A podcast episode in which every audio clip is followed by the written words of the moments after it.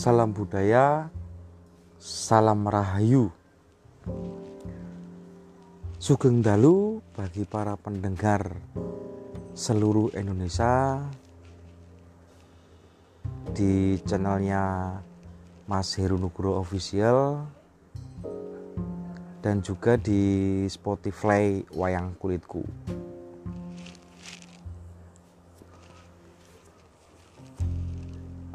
Berikut pada malam hari ini cuacanya uh, agak mendung dan juga hawa niki adem. Cuman nggak hujan cuma rintik-rintik gitu loh. Ya tetap hutan ya ya? Ya cuma rintik-rintik aja. Jadi nggak begitu beres gitu harus hujan seperti itu. Cuman hawa niki roto adem Oke saya menyapa dari pendengar-pendengar dari channelnya Mas Heru ini. Uh, Salam budaya, salam rahayu. Semoga para pendengar juga diberi kesehatan Dan diberi rezeki yang melimpah. Diberi rezeki yang melimpah dan cukup.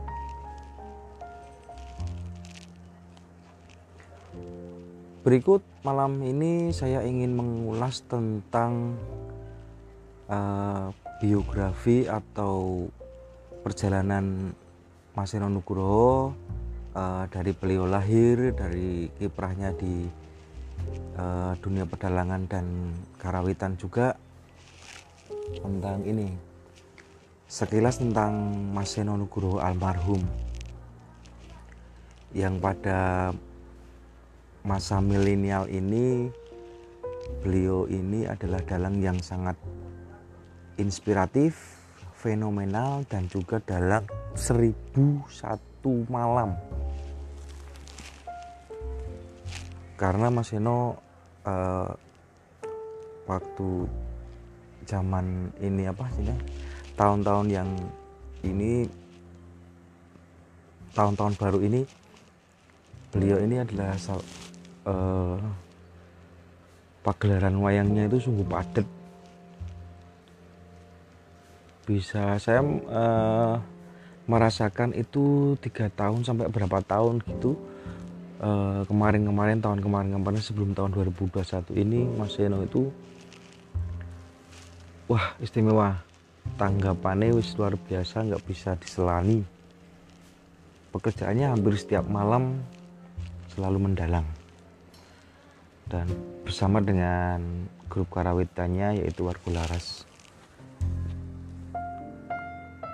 Oke kembali ke perjalanan dari Mas Sino Nugroho sekilas Kisino Nugroho Kisino Nugroho lahir di kota Yogyakarta persisnya di kampung Mangkukusuman nomor 52 Kelurahan Bajiro Kecamatan Gondokusuman. Mas Sino lahir pada tanggal 23 Agustus 1972. Kiseno Nugroho adalah putra keempat dari dalang kondang Yogyakarta almarhum Ki Suparman Cermawiyoto dari seorang ibu bernama Sayakti.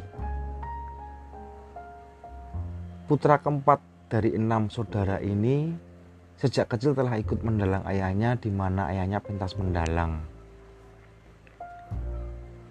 Namun keinginan menjadi dalang tumbuh pada waktu kelas 3 SMP.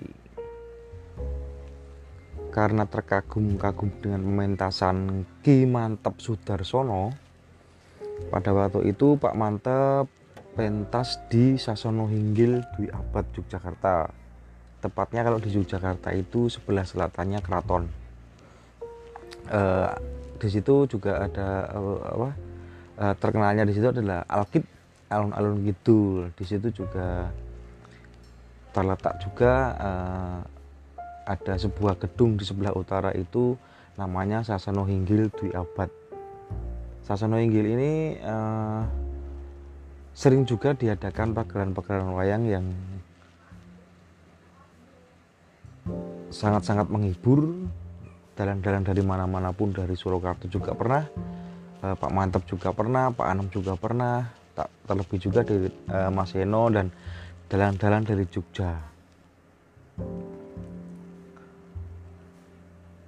Sebulan dari nonton Ki Mantep Kisino selalu belajar memainkan wayang di rumah.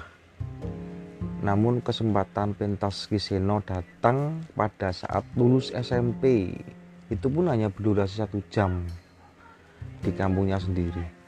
Mucui bapak sebelum mendalang semalam setelah, setelah lulus SMP Kisino melanjutkan sekolah di SMKI Sekolah Menengah Kejuruan Indonesia jurusan pedalangan namun ketika Kisino menginjak kelas 2 SMKI, ayahnya meninggal. Hal tersebut menjadi cambuk bagi Kiseno untuk semakin memperdalam ilmu pedalangan. Dengan memperdalam ilmu pedalangan, Maseno ini menonton setiap dalang senior pentas mesti harus bersepeda Sebelum meninggal, ayah Kisino Nugroho yaitu Ki Suparman telah melihat pementasan wayang Kisino siang hari di Kampung Merican. Itu pementasan pertama kali Kisino Nugroho dan hanya sekali itu Ki Suparman melihat pementasan Kisino sebelum meninggal. Sepeninggal ayahnya, Kiseno semakin rajin melihat wayang dan juga ikut nabuh uh, dalam kurung Wiyogo dalam setiap pementasan wayang almarhum Kisukoco Kisukoco adalah putra dari kakak perempuan almarhum Kisuparman. Jadi Mas Koco ini putranya Bude Wasini. Setelah lama mengikuti Kisukoco Mendalang atau nyantrik akhirnya belajar mandiri membentuk grup karawitan bernama Wargolaras. Sama juga grup karawitan eh, nama grup karawitan bapak. Ya notabene diisi oleh adik-adik kelas Kisinon di SMKI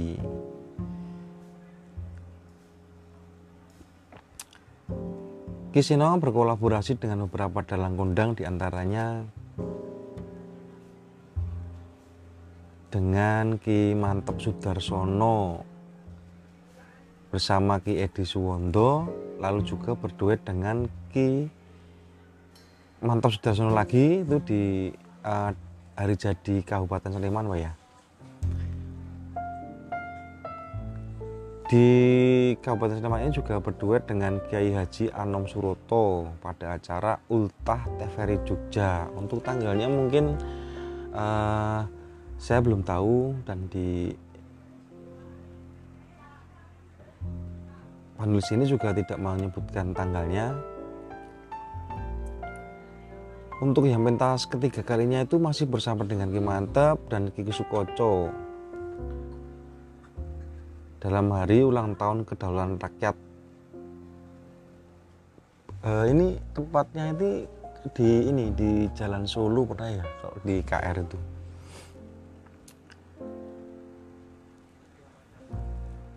Pentas juga bareng dengan Ki Ento Susmono dalam acara Kongres Bahasa Jawa di Hotel Ambarukmo Yogyakarta serta pentas-pentas yang sudah tidak bisa dihitung jumlahnya.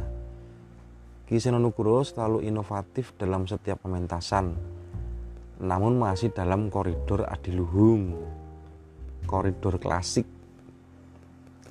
Juga tidak pernah menolak jika diduetkan dengan pelawak-pelawak Jogja maupun nasional.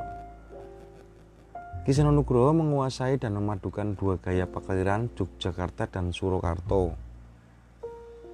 Garap paklirannya sangat menonjol. Spontanitas mengalir dalam dialog yang dibawakan selama pentas, menggelitik, lucu, dan penuh makna. Kiseno Nugroho juga tidak menolak berkolaborasi dengan seni lain seperti tari teater dan lain-lain. Nah, ini pada tahun 2000 bersama dengan Miroto Dance Company berkolaborasi dengan karya Dancing Sedu dan dipentaskan di 10 kota di Belanda. Kiseno sebagai dalang dan juga narator bahkan pengrawit. Tahun 2002 kembali berkolaborasi lagi dengan Pak Wiroto dengan Wiroto Dance Company juga dengan Pak Bono, Besu Bono, komposer dari Solo. Dalang juga membuat karya Saijah Adinda. Karyanya itu judulnya Saijah Adinda. Dalam bentuk drama tari dan wayang juga dipentaskan di 10 kota di Belanda. Tahun 2004, Kiseno Nugroho kembali pentas di Jerman, tepatnya di kota Berlin dan Köln. Ejaannya ini K U H L N. Jadi kalau bacanya Koln bersama Mas Miroto Miroto Dance yang mementaskan wayang orang Ramayana. Dan Giseno mementaskan wayang kulit Ramayana tahun 2006 berkolaborasi bersama foto koreografer Bimo Wiwohatmo Mas Bimo Wiwohatmo dan Masino ini sebagai dalang dan penari pentas di Korea Selatan. Pada tahun 2008, Kisino Nugroho bersama sebagian rombongan pengerawit Laras bekerjasama dengan grup karawitan Kiai Madusari dari Kanada. Nah, ini pimpinan Kiai Madusari ini uh, pimpinannya Mas Tris nih. Mas Tris Kanada yang dulu juga pernah ikut di Laras. Salam kagem Mas Tris. Sehat Mas. E, bersama Mas Tris ini membuat wayang multimedia dan dipentaskan di tujuh kota di Kanada. Pada tahun 2014, Kiseno Nugroho dan warga Ras pentas di Polandia Selain profesinya sebagai dalang, Kiseno Nugroho juga sering kali mendapat order sebagai koreografer tari, iringan tari dan penata lakon. Kiseno Nugroho juga dalang yang mempunyai kesadaran baca yang sangat tinggi. Beberapa buku dibacanya antara lain buku-buku lakon, naskah dan gagrak pedalangan, buku-buku sastra dan biografi seniman. Tokoh favoritnya dalam wayang adalah Puno Kawan. Tak terkecuali dengan Mas Bagong. Nah, ini ini sangat fenomenal banget Mas Bagongnya Mas Seno ini. Sedangkan dalang yang menjadi tokohnya yaitu tokoh favoritnya Mas Seno ini Ki Mantap Sudarsono jelas beliau ini niru sabetane Pak Mantep. Dan semua ilmu yang dipelajari oleh Pak Mantep dan juga Ki Purbo Asmoro. Kalau di kalau Mas kalau Ki Purbo Asmoro ini uh, Mas Eno sanggit sastrane. Dulu saya masih ingat ketika Mas Eno mengenal Ki Purbo Asmoro ini uh, membuat lakon alap-alap sukesi sama ini apa alap-alap sukesi sama ini apa namanya? Dewi Retnuko itu apa ya? Saya lupa. Uh, ini uh, Rom, Romo Bargowo. Nah ini ini ini ini saya saya, saya ingat saya ingat Romo Bargowo. Dan juga eh, tak lupa juga ke Mas Yono juga belajar semuanya. Itu di Kinato Sabtu juga mempelajari tentang semuanya. Khususnya kepada Ki Purbo Asmoro Mas Eno ini menggarap pakerannya sangat komplit dengan digarapnya dengan baik Bimo Tanding adalah salah satu sanggit lakon yang pernah dibuatnya semasa reformasi. Bimo Tanding adalah salah satu sanggit lakon yang pernah dibuatnya selama reformasi. Ki Nugroho juga pernah mengarang gending-gending utamanya gending tulanan seni wayang adalah hidupku jadi hidupku demi kelestariannya itu yang selalu diucapkan Kiseno jika mengajar pedalangan di SMKI Jogja Kiseno Nugroho sekarang bertempat tinggal di desa Pelem Sewu Panggung Pelem Sewu Panggung Harjo Suwon Bantul. Dan mempunyai rumah juga di daerah Sedayu dan menikah dengan seorang dosen Fakultas Media Rekam isi Yogyakarta bernama Mbak Agnes Widyasmoro. Dan telah dikaruniai tiga orang putra yaitu Anglir Kinanti, Gading Paukir dan Jenar Nyimasayu. Sekarang eh, keluarga beliau ini sering-seringnya bertempat di Sedayu.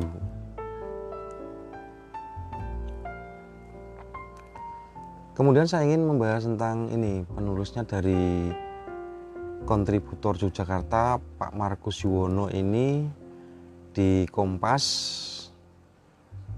uh, begini saya, saya ingin bercerita tentang ini penulisnya Mas Pak Markus Yuwono ini Nama dalang Kiseno Nugroho melambung di kalangan anak muda. Jadwal pementasan wayang kulit Kiseno Nugroho terbilang cukup padat.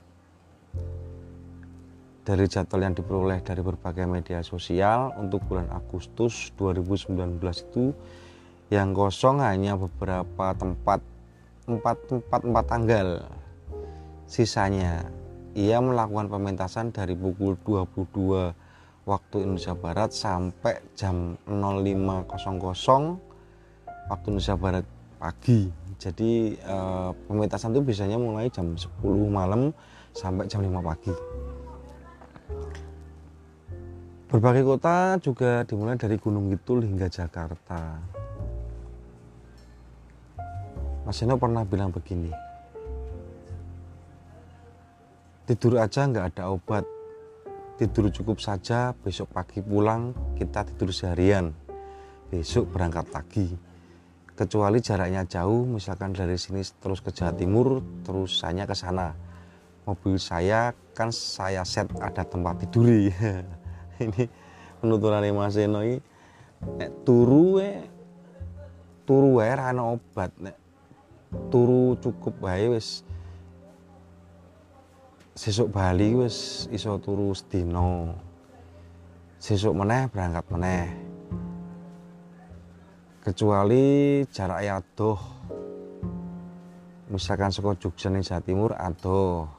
Terus mobilku iki tak set ono ambeni gitu penuturan dari Mas Seno yang uh, ditulis oleh Kompas cerita para penggemar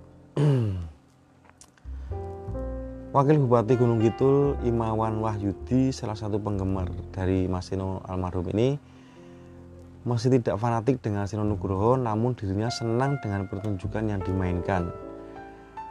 Apalagi setiap kali pertunjukan ribuan orang selalu memadati lokasi. Hal itu bisa digunakan untuk sosialisasi tentang kebijakan pemerintah. Berikut penuturan dari Wakil Bupati Gunung Kidul ini. Aku seneng nonton wayang termasuk Kiseno. Hal serupa juga diutarakan dari penggemar wayang kulit Kiseno Nugroho PWKS wilayah Jabodetabek. Bernama ini Mas Oktavianus Dani. Jadi Mas Oktavianus Dani ini salah satu penggemar wayang PWKS yang di Jabodetabek yang saya lupa untuk apa uh, peresmiannya PWKS Jabodetabek. Karena PWKS ini adalah sekumpulan fans-fans Mas Heno yang dari ini dari militan ya Mas. Dari militan itu dari desa itu desa. Dusun tuh dusun kampung tuh kampung. Uh, kebetulan juga PWKS pada waktu itu memang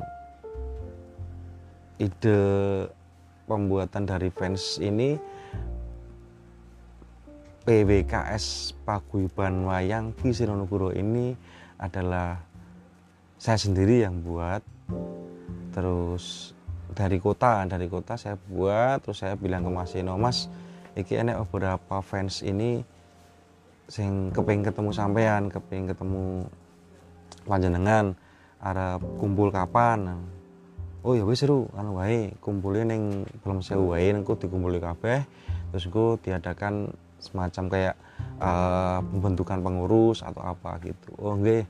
Oke mas aku tak koordinasi karo beberapa orang sing wis ning WKS itu. Kalau cerita PBKS sendiri ini berawal dari saya itu meng jane meng uh, jagung neng angkringan di situ ada uh, beberapa orang uh, beberapa orang tua orang tua pun sepuh istilahnya pun kalau saya mingga, manggilnya itu si mbah ya.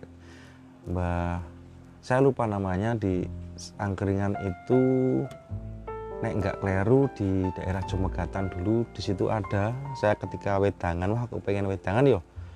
Tak wedangan sih ya. di situ itu ada uh, percakapan di antara nih pembeli sama penjual gitu. Istilahnya bakule angkringan sama sing tuku wedang gitu bilang kalau wow sambil nyetel wayang itu di radio sambil nyetel wayang. Mbahnya itu bilang gini wah enak ceto ini wong aku rungokke wayangane Seno ini wis persis plek karo Mbah Mbah Bancak mbiyen? Wah wis nganti mayang anggar Mbah Bancak mayang aku nganti ngepit melaku tak luruk. Mbah Banca itu lucu pol aku bener nonton Mbah Banca Mayang ini Ki Banca Mayang ini kok kok guling guyune kepingkel-pingkel aku tadi rasane uh, seneng aku karo Mbah Banca saya ini turunnya ngene anak Seno kuwi. Nah terus saya tertarik kebetulan saya tanya loh mbah emang si mbah biyen anu toh napa penggemar mbah bancak toh oh iya le. Nah gue sopo lah saya bercerita kalau saya itu uh, anaknya Pak Parman dan juga adik Mas Eno lah beliau kaget terus walah cerita banyak tentang perjalanan beliau ini ketika nonton-nonton gitu. Jadi pada saat itu juga saya kepikiran loh ternyata Simbah Panca itu punya fans di sana. Waktu zaman dulu punya fans. Cuman belum bisa dikembangkan karena di era zaman itu kan belum eh, jelas belum ada media sosial yang teknologi semakin maju seperti sekarang. Jadi saya eh, berpikiran begini tuh apa masih noi orang di fan apa ya kudune ada fans ada sekumpulan orang sing seneng karo wayangane Mas Eno jelas loh. Nah kebetulan saya di rumah terus uh, ada wifi saya coba aja bikin Facebook tentang PBKS ini. Jadi PBKS itu singkatan dari penggemar wayang Kiseno Nugroho. Terus saya bikin. Dengan berkembangnya waktu grup ini grup di Facebook ini semakin anu semakin banyak semakin banyak followernya semakin banyak yang komen saya dari ini dari Kalimantan dari uh, Sumatera dari Bandung dari Jakarta dari Jawa Tengah dari Yogyakarta dari Jawa Timur dan semua dari seluruh Indonesia itu mereka membuat percakapan sendiri dan sempat dulur gitu loh lah saya kebetulan ada beberapa yang dari Jogja gitu saya kontak-kontak ayo Pak eh, kita kumpul-kumpul kita kumpul-kumpul golek sedulur Pak ceritanya gitu terus akhirnya terkumpul saya bilang ke Mas Eno seperti yang saya utarakan tadi akhirnya di ACC Mas Eno oke orang baru baru kita bikin itu oke Mas tak undangi Caca itu neng tak undangi beliau-beliau ini yang PBKS PBKS fans-fansmu ini di Pelem Sewu. Lah akhirnya dibuat sebuah pengurus di situ. Akhirnya muncullah uh, eh, PBKS penggemar wayang Ki Nugroho yang lahirnya memang dari Jogja. Dan pada waktu itu saya uh, mau bikin logo mau bikin logo ternyata ada seseorang yang saya sangat kenal banget dengan Mas Hendro itu Mas Hendro ini juga seorang seniman dan juga seorang dalang juga dalang muda yang baru belajar gitu. Membuat logo membuat logo PWKS itu. Yang logonya kayak kayon terus ada PWKS penggemar wayang Nugroho gitu. Terus ke diutarakan ke saya minta izin ke saya mas ya aku gawe logo logo niki nek tak gawe kaos ki mas yo? Ben kabeh iso do nganggo seragam nek nonton wayang mas Eno uh, ketika kumpul-kumpul yo nanggu itu nanggu kaosnya seperti itu lah akhirnya oke okay, apa pondro nggak apa-apa. Oke Mas Hendra nggak Mas Hendra nggak apa-apa gawe yo nanti uh, dipublis mas. Nanti ben semua biar bisa pesan kenjenengan akhirnya itu terjadi juga dan pada saat ini semakin berkembang dan semakin berkembang semakin berkembang dan juga ada penuturan dari BBKS BBKS ini eh, Mas Lukas Didit ini juga penggemar asal Gunung Kidul yang mengaku hampir setiap hari menyaksikan penggalan pertunjukan wayang dalang Senen Nugroho melalui YouTube. Nah, di YouTube ini ada salah satu channel Mas Seno yang sangat kondang di situ adalah channel Dalang Seno. Dengan bisa langsung ketika ada di situ channel Dalang Seno pasti banyak sekali karya-karya Mas Seno dan aset-aset Mas Seno yang di situ.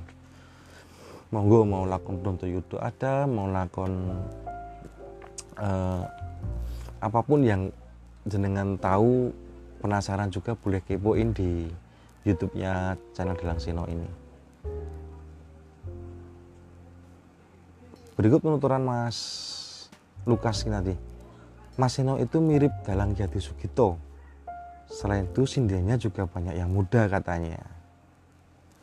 Penggemar lainnya Mas Bambang Purwanto mengaku sering menyaksikan live streaming melalui uh, eh, HP-nya dirinya memilih langsung menonton siaran langsung dibanding dengan menonton rekaman. Begini penuturannya dari Mas Bambang ini. Semalam mau ke Semanu hawanya dingin, maklum maklum sudah tua jadi nonton melalui HP. Sampai jam 11 ucapnya. dulu memang uh, sampai saat ini juga masih banyak banyak fan fans Mas Seno fan fan Mas Seno ini yang uh, setia banget dengan pegelaran Mas Seno di mana pun beliau mendalang itu selalu pasti ikut dan ngeluruk lah cara nenek Pak motor itu ngeluruk. Wah nanti inti saya sampai gumun kok. Uh, di situ juga ada sosok Mbah Tommy ada Mbah Kakung ada uh, di situ ada khususnya kepada Mbah Tony Mbah Tony ini wah istimewa dia tuh Mas Seno ke mana pun Mas Seno ke Jakarta beliau itu memakai motor beat dari rumah. Itu nggak mau berangkat bareng sama rombongan. Padahal beberapa waktu itu Mas Seno juga bilang wah gue nek arep makan Jakarta penonton ya gue melu rombongan bis rombongan yogo-yogo gitu. Tapi beliau Mbak Tom ini nggak mau. Dia memilih untuk ngelaju dari Jogja sampai ke Jakarta. Waduh saya gimana ya mikirnya itu sampai kalau ketemu Mbak Tommy di lokasi di Jakarta misalkan sampai gitu Mbah kok wis tekan kene atau rewangi nganti numpak motor waduh Iya. Dibilang itu sangat jauh lah Jakarta Jogja loh. Pakai motor. Waduh, luar biasa emang. Jadi saya punya istilah gini, uh, wong seneng gue memang larang regani. Wah, salut kepada Mbak Tommy yang sampai sekarang pun beliau ini masih mengikuti uh, Wargo Laras dan Maseno dan sepeninggal beliau juga Mbak Tommy ini juga sering juga main-main ke Sedayu buat mensupport warga laras dan sering-seringnya kalau e, cara limbuan atau goro-goro itu Mbak Tommy selalu joget. Nah itu yang yang wah saya bilang gimana lagi para pendengar gitu istimewa luar biasa. Uh, takjub dengan pemikiran beliau yang ngefan nanti santai pengorbanannya sampai segitu loh. Wah siap nih Pak Tommy nih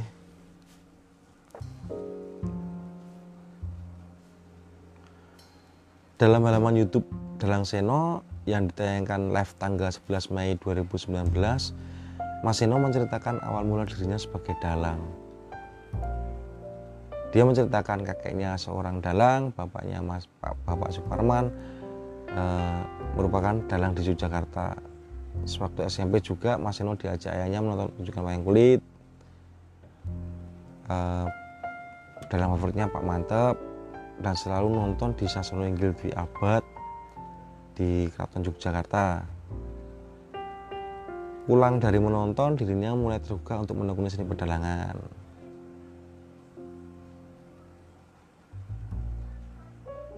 Nah, pada saat Mas Eno kelas 2 Sekolah Menengah Karawitan Indonesia, sekarang SMK Negeri 1 Kasihan Bantul, Bapak ini sudah sakit-sakitan.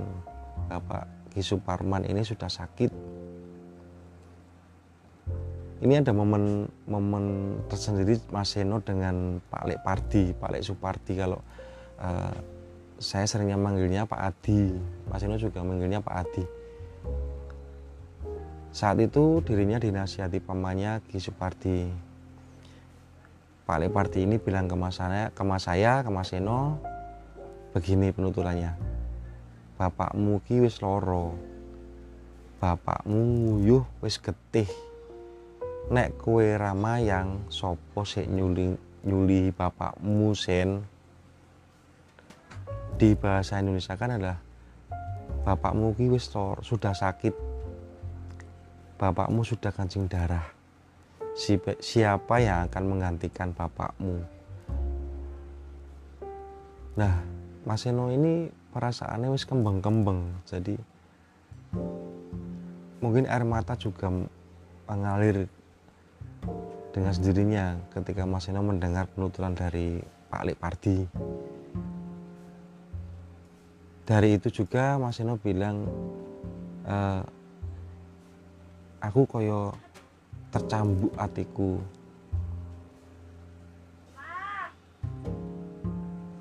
Nah, selanjutnya awal mendalang dirinya diajak pamannya Suparti mendalang di Merican Kejayaan Sleman. Saat itu dirinya diminta untuk ikut mendalang. Dirinya mengiyakan tetapi dengan syarat ayahnya tidak boleh menonton. Nah, Mas Eno ini uh, kan bilang kalau untuk apa? Bilang kalau aku gelem ayang neng anggar ditunggoni sama ojo ditonton karo bapak Alasannya waktu itu karena grogi dan takut.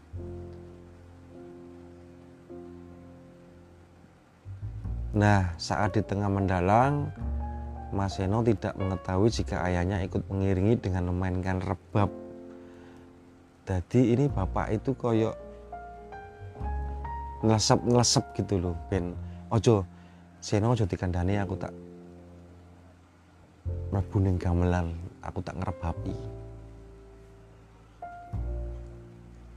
Saat di tengah mendalang, Mas Seno tidak mengetahui jika ayahnya ikut mengiringi dengan memainkan rebab. Mengetahui kehadiran sang ayah, Mas Seno grogi. Mesti awal pementasan, saat ia belum mengetahui kehadiran sang ayah, pementasan ini berjalan lancar. Waktu itu pementasan Mas Seno api, tapi setelah bapaknya itu, eh, bapak saya itu istilahnya nyelip, selip-selip di terus munggah panggung terus sampai beliau megang rebab gitu. Mas Eno lihat ke belakang ternyata bapak wis ono ning rebab. Nah ki kayak semacam apa ya kayak kayak Mas Eno terus ngedrop kayak izin grogi dan takut sama bapak. Ya cuma sekali itu mawon bapak itu nonton Mas Eno dan Mas Eno juga menuturkan bahwa bapak saya melihat saya mayang itu sekali itu aja katanya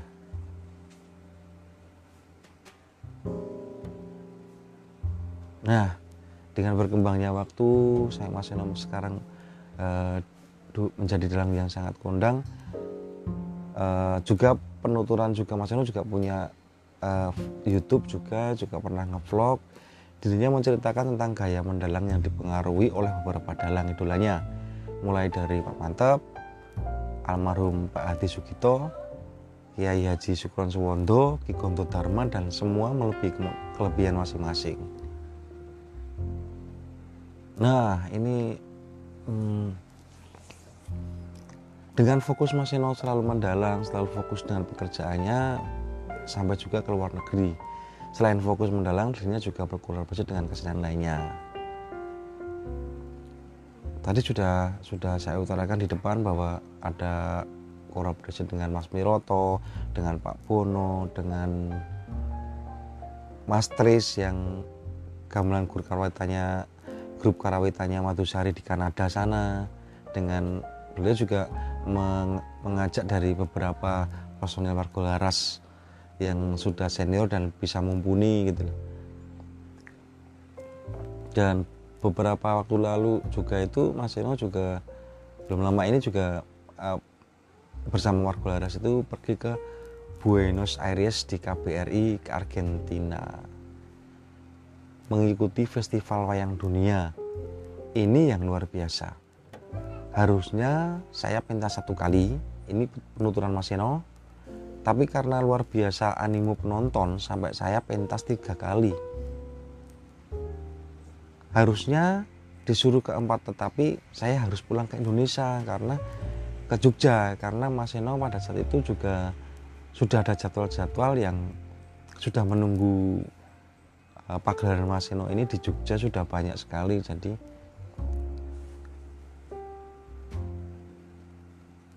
beliau penuturnya begini Buenos Aires itu sungguh sangat luar biasa. Argentina ini luar, luar biasa.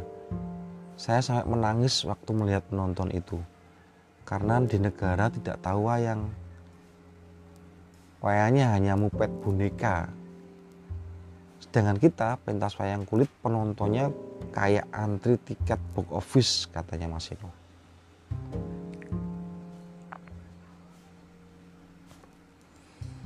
Mas Eno juga penutannya mengaku bahwa mengidolakan banyak sekali dalang seperti Kinato Sabdo, Ki Purbo Asmoro, Ki Mantap Sudarsono, dan Ki Sukron Suwondo. Bahkan saat senggang dirinya menonton pertunjukan wayang idolanya di YouTube.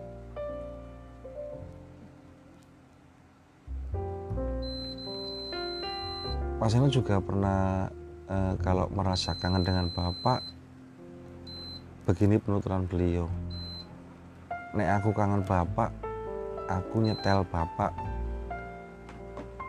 yang radio ataupun di MP3 gitu Mas Eno juga mengaku banyak orang yang mengusulkan agar dirinya mengikuti gaya ayahnya saat mendalang. Namun dia berprinsip jika setiap orang memiliki gaya masing-masing, termasuk kelak anaknya tidak wajib mengikuti gayanya mendalang saat ini. Jadi Mas Eno juga pernah menuturkan bahwa ya kue nek kepengen dadi dalang yo dadi dalang neng yo ojo tiru-tiru aku ojo tiru-tiru iki tiru-tiru kai golek jati dirimu dewi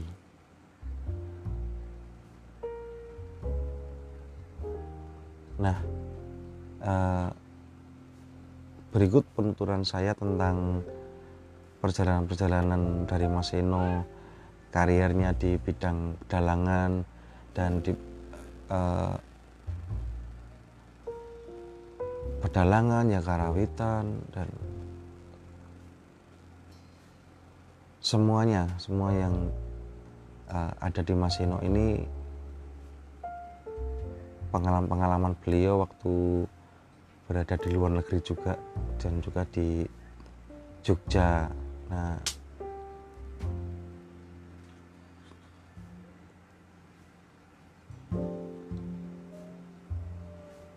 Oke, uh, pada momen ini cukup sekian dulu. Terima kasih atas atensinya dari para pendengar YouTube-nya Mas Heru Nugroho Official. Terima kasih. Sugeng Rahayu, salam budaya, matur nuwun.